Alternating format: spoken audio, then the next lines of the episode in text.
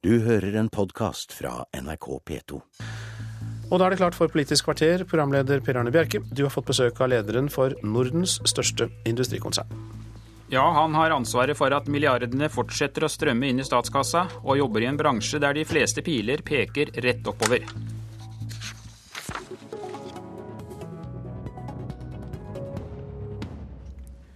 Velkommen til Politisk kvarter, konsernsjef i Statoil, Helge Lund. Takk skal du ha. 2012 ble et eh, meget godt år for dere, med enorme overskudd nok en gang, og nye, store funn av eh, olje og gass. Kan vi regne med at 2013 eh, blir et like bra år? Ja, 2012 var jo først og fremst et godt år fordi vi gjorde store nye funn både i Norge og internasjonalt. Og vi hadde stabile og sikre eh, operasjoner. Og så har vi jo vedtatt mange nye eh, prosjekter, også på norsk eh, sokkel. Vi er inne i en god trend i Statoil, men hvert år er et uh, nytt år. Og vi kan ikke vente at vi skal gjøre like store funn hvert år. Men da det var med meg i Politisk kvarter om trend på denne tiden i fjor, så kom det jo med nyheten om det nye gigantfunnet i Barentshavet. Havisprosjektet, og dette var bare ett av flere funn som du var inne på. Ser du for deg at vi fortsatt kan finne store mengder olje og gass utenfor norskekysten? Norsk sokkel er, eh, har et stort eh, potensial. Vi har jo også en næring som har stor eh, kompetanse. Vi lærer nye ting. Og en av grunnene til at vi har gjort nye store funn på norsk sokkel etter så mange år med oljevirksomhet, er jo at vi har medarbeidere som har veldig høy kompetanse og stor erfaring. Og jeg må si at jeg trodde ikke at min generasjon skulle få lov til å være med på så store nye prosjekter som vi ser nå på norsk sokkel. Johan Sverdrup har jo en størrelse som nesten kan sammenlignes med, med Gullfaks og, og, Statsfjord, som var de første store feltene som vi utviklet på norsk eh, sokkel.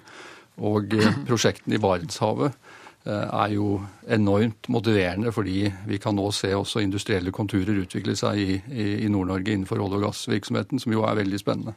Ja, Det du sier nå betyr jo at eh, anslagene for hvor lenge oljealderen kan vare, den har variert nokså mye og økt også etter hvert, helt siden Statoil ble dannet for 40 eh, år siden. Hva er ditt anslag i dag? Ja, Vi kan i hvert fall med sikkerhet eh, si at vi kan rekruttere nye medarbeidere i dag som kan begynne å jobbe på Johan Sverdrup-feltet f.eks., og som helt sikkert kan avslutte karrieren sin også i, i Statoil. Det har jo vært uh, utvikling i olje- og gassindustrien at vi viser at vi kan finne mer og mer ressurser også innenfor de feltene eh, vi driver. Eh, så vi har et langsiktig perspektiv på, på, på norsk sokkel. Og Så er det et annet felt, Lofoten og Vesterålen. Hvor mye brenner du etter å sette borer i havbunnen der? Jeg tror det er viktig at vi tenker langsiktig i denne industrien. Og vi vet at produksjonen etter olje og gass faller ganske raskt på norsk sokkel etter 2020. Derfor så er det viktig at vi får løpende tilgang til nytt arealet. Og i det perspektivet så er uh, områdene utenfor Lofoten og Vesterålen viktig. Setter du din lit til at en eventuell ny regjering skal eh, åpne for leteboring? Et av de mulige regjeringspartiene, Venstre, har jo myket opp sin holdning nå i løpet av jula. Ja, mitt inntrykk er jo at det er et uh, flertall på Stortinget for at man skal, skal uh, gjøre en konsekvensutredning på, uh, utenfor dette området. Men så har det, vel, har det, vel, vært slik at de forskjellige koalisjonsregjeringene som har vært eh, gjennom eh, tidene, er at et mindretall har faktisk blokkert at, eh, at dette skjer. Så dette er et viktig tema for olje- og gassnæringen. Til syvende og sist så er det politikerne som skal avgjøre dette. Men nå er jo dette også nokså unike områder, Helge Lund. Hvorfor kan vi ikke ta oss råd til å verne et slikt område? Vi har jo vist i Norge gjennom uh, mange mange tiår at en gradvis, gradvis utvikling, av hvor vi driver olje- og gassvirksomhet, har uh, vært forsvarlig. Vi lærer oss nye ting hele tiden. Vi driver sikrere. Og vi har, syns jeg, vist en evne i Norge til å gjøre at næringer kan leve ved siden av hverandre. Eh, I dette området så er det jo spesielt viktig at fiskerinæringen og olje- og gassindustrien kan eh, jobbe ved siden av hverandre og eh, skape verdier. Og det tror jeg vi kan klare. Men kan du love at lofotfisket, som jo er kjent langt utover Norges grenser, det blir like bra selv om du begynner å bore etter olje der oppe? Det er viktig at olje- og gassindustrien ikke går på bekostning av en annen så viktig næring. Så vi er nødt til å finne gode samhandlingsmønstre mellom olje- og gassindustrien og fiskeriindustrien. Du snakker om stadig nye felt og behovet for eh, nye arealer, som du kaller det. Regner dere med at vi vil ha det samme behovet for olje og gass i overskuelig fremtid, eller kan alternativ energi om noen år komme til å erstatte deler av olje- og gassforbruket? Det vi helt sikkert vet, og det som alle analyser sier, det er jo at verdens energiforbruk vil øke kraftig de neste 40-50 årene pga. Økt befolkning i, i verden, også fordi flere mennesker kommer inn i middelklassen og dermed bruker mer energi. Samtidig har vi jo sett eh, de siste årene at oljeforbruket i OECD-området eh, går ned, mens det er en kraftig vekst eh, i Midtøsten og i, i Asia. Og alle analyser, alle seriøse analyser viser jo at både olje- og gassetterspørselen vil øke i et 30-40 års perspektiv. Så det er viktig at vi jobber med å få frem nye eh, olje- og gassressurser, men også at man parallelt arbeider med å få frem nye teknologier, slik at vi kan få fornybar energi som også er eh, effektiv og kan være en viktig del av den langsiktige energiforsyningen. Men nå kommer jo f.eks. elbilene for fullt, og de blir jo da bedre og bedre. Kan ikke det føre til en nokså betydelig reduksjon i etterspørselen etter diesel og bensin om noen år? Ja, selv om vi legger ganske aggressive forutsetninger til grunn for uh, antall elbiler som kommer inn i markedet og andre teknologifremskritt, så viser jo analysene at uh, det fortsatt vil være en etterspørselsvekst og økning etter, også etter olje eh, og gass. Det kan vi for så vidt like eller ikke like, men, men det er eh, situasjonen. Og i dette bildet så er jo norsk olje- og gassproduksjon også eh, i en god posisjon, i og med at vi eh, produserer med eh, mindre CO2-utslipp enn de aller fleste steder i verden. Ja, dere er jo et energiselskap. Hvor stor vekt legger dere egentlig på å forske på alternative energikilder? Er det noe viktig for dere? Vi har vært opptatt av å utvikle fornybar energi der vi har naturlig konkurransefortrinn. Så vi har primært eh, investert innenfor offshore vind, fordi vi tror der at vi kan bruke teknologi og erfaring som er utviklet i olje- og gassindustrien, eh, inn også mot det energisegmentet. Så i høst så åpnet vi jo et stort eh, offshore vindanlegg i, i Storbritannia. Vi har akkurat kjøpt oss inn i et nytt prosjekt hvor vi skal ta teknologien og erfaringene et skritt eh, videre. Så får vi se over tid hvor stort dette blir. I Norge så er vi i ferd med å få en eh, todelt økonomi, noe mange eksperter eh, sier de er bekymret for. Oljeindustrien, som du representerer, den går så den suser, mens mange av våre tradisjonelle bedrifter sliter. Hvilket dilemma er det for deg at din bransje er med på å presse lønningene opp på et nivå som gjør at andre bedrifter ikke klarer å takle det? Først og fremst må vi være glad for at norsk økonomi går veldig bra. og En hovedgrunn til det er at vi har olje- og gassvirksomhet. Vi ser jo at Norge nærmest nå er en, en øy i en verden med store økonomiske problemer. Takket være oljen? Ja. Noe av utfordringen er at vår industri er global, slik at det er lite meningsfylt med enkelttiltak mot olje- og gassnæringen i Norge. For da vil man bare flytte investeringene og engasjementet og teknologiutviklingen eh, andre steder. Det er også vanskelig å finne presise tiltak som kan eh, ha, ha treffsikre virkninger for, for, norsk økonomi, fordi denne industrien er langsiktig.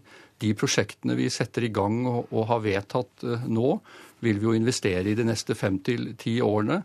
Og i forhold til ny letevirksomhet, så er det jo slik at fra vi får tilgang til et nytt område til vi faktisk har industriell aktivitet på det området, så tar det ofte 10-15 år.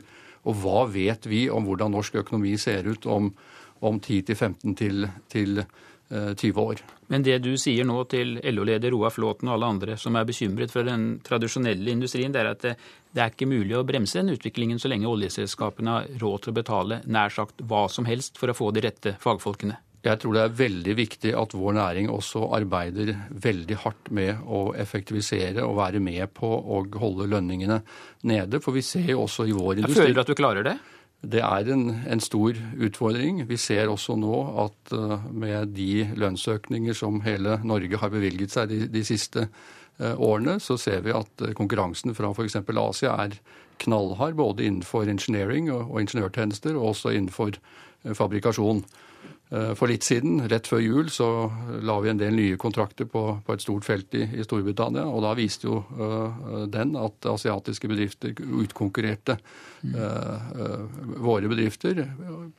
Først og fremst pga. kostnader. Men når vi ser på utviklingen de siste årene og sammenligner oljebransjen med andre næringer, hva er ditt råd til ungdom som ønsker å gjøre karriere i industrien i næringslivet?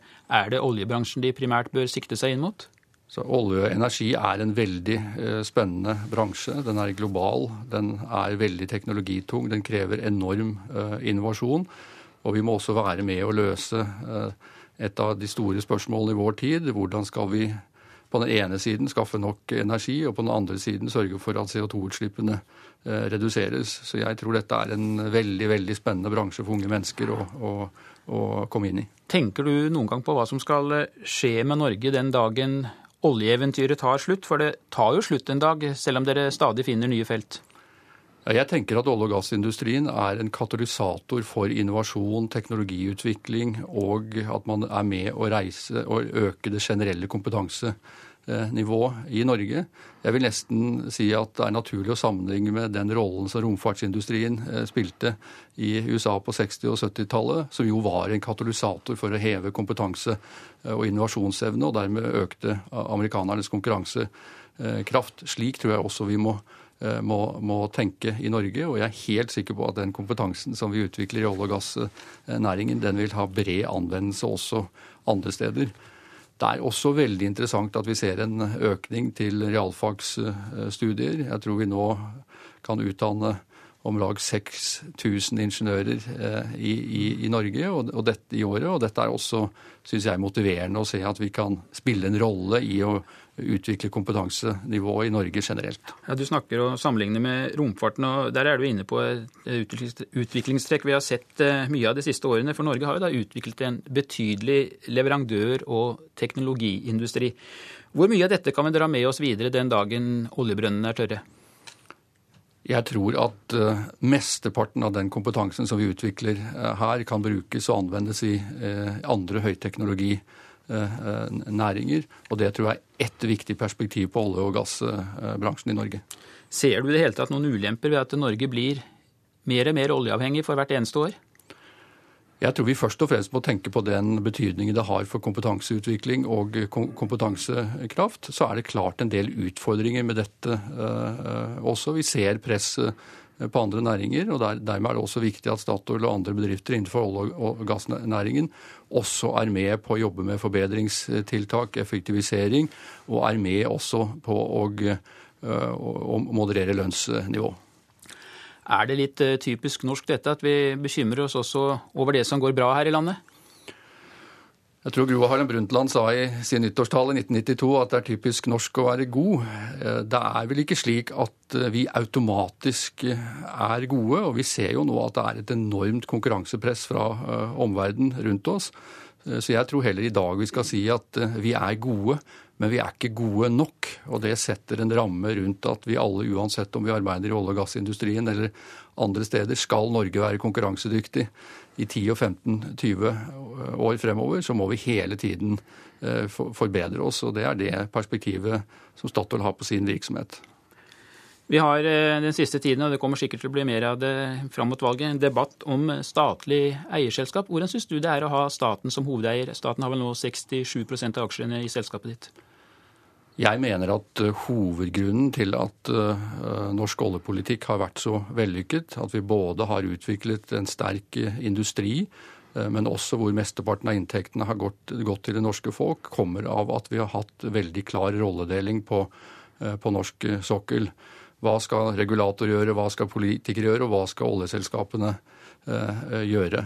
Og Det er ingen tvil om at det er eh, norske politikere som tar beslutninger av politisk karakter rundt, eh, rundt virksomheten. Og innenfor de rammene så tar jo Statoil styre og ledelse eh, beslutninger som skal komme alle aksjonærene til gode. Og det har jo vært en veldig, veldig vellykket modell, ikke bare for Statoil, men, men også for Norge. Men Betyr dette, dette at du ser ikke noe behov for å få inn flere private aksjonærer i Statoil?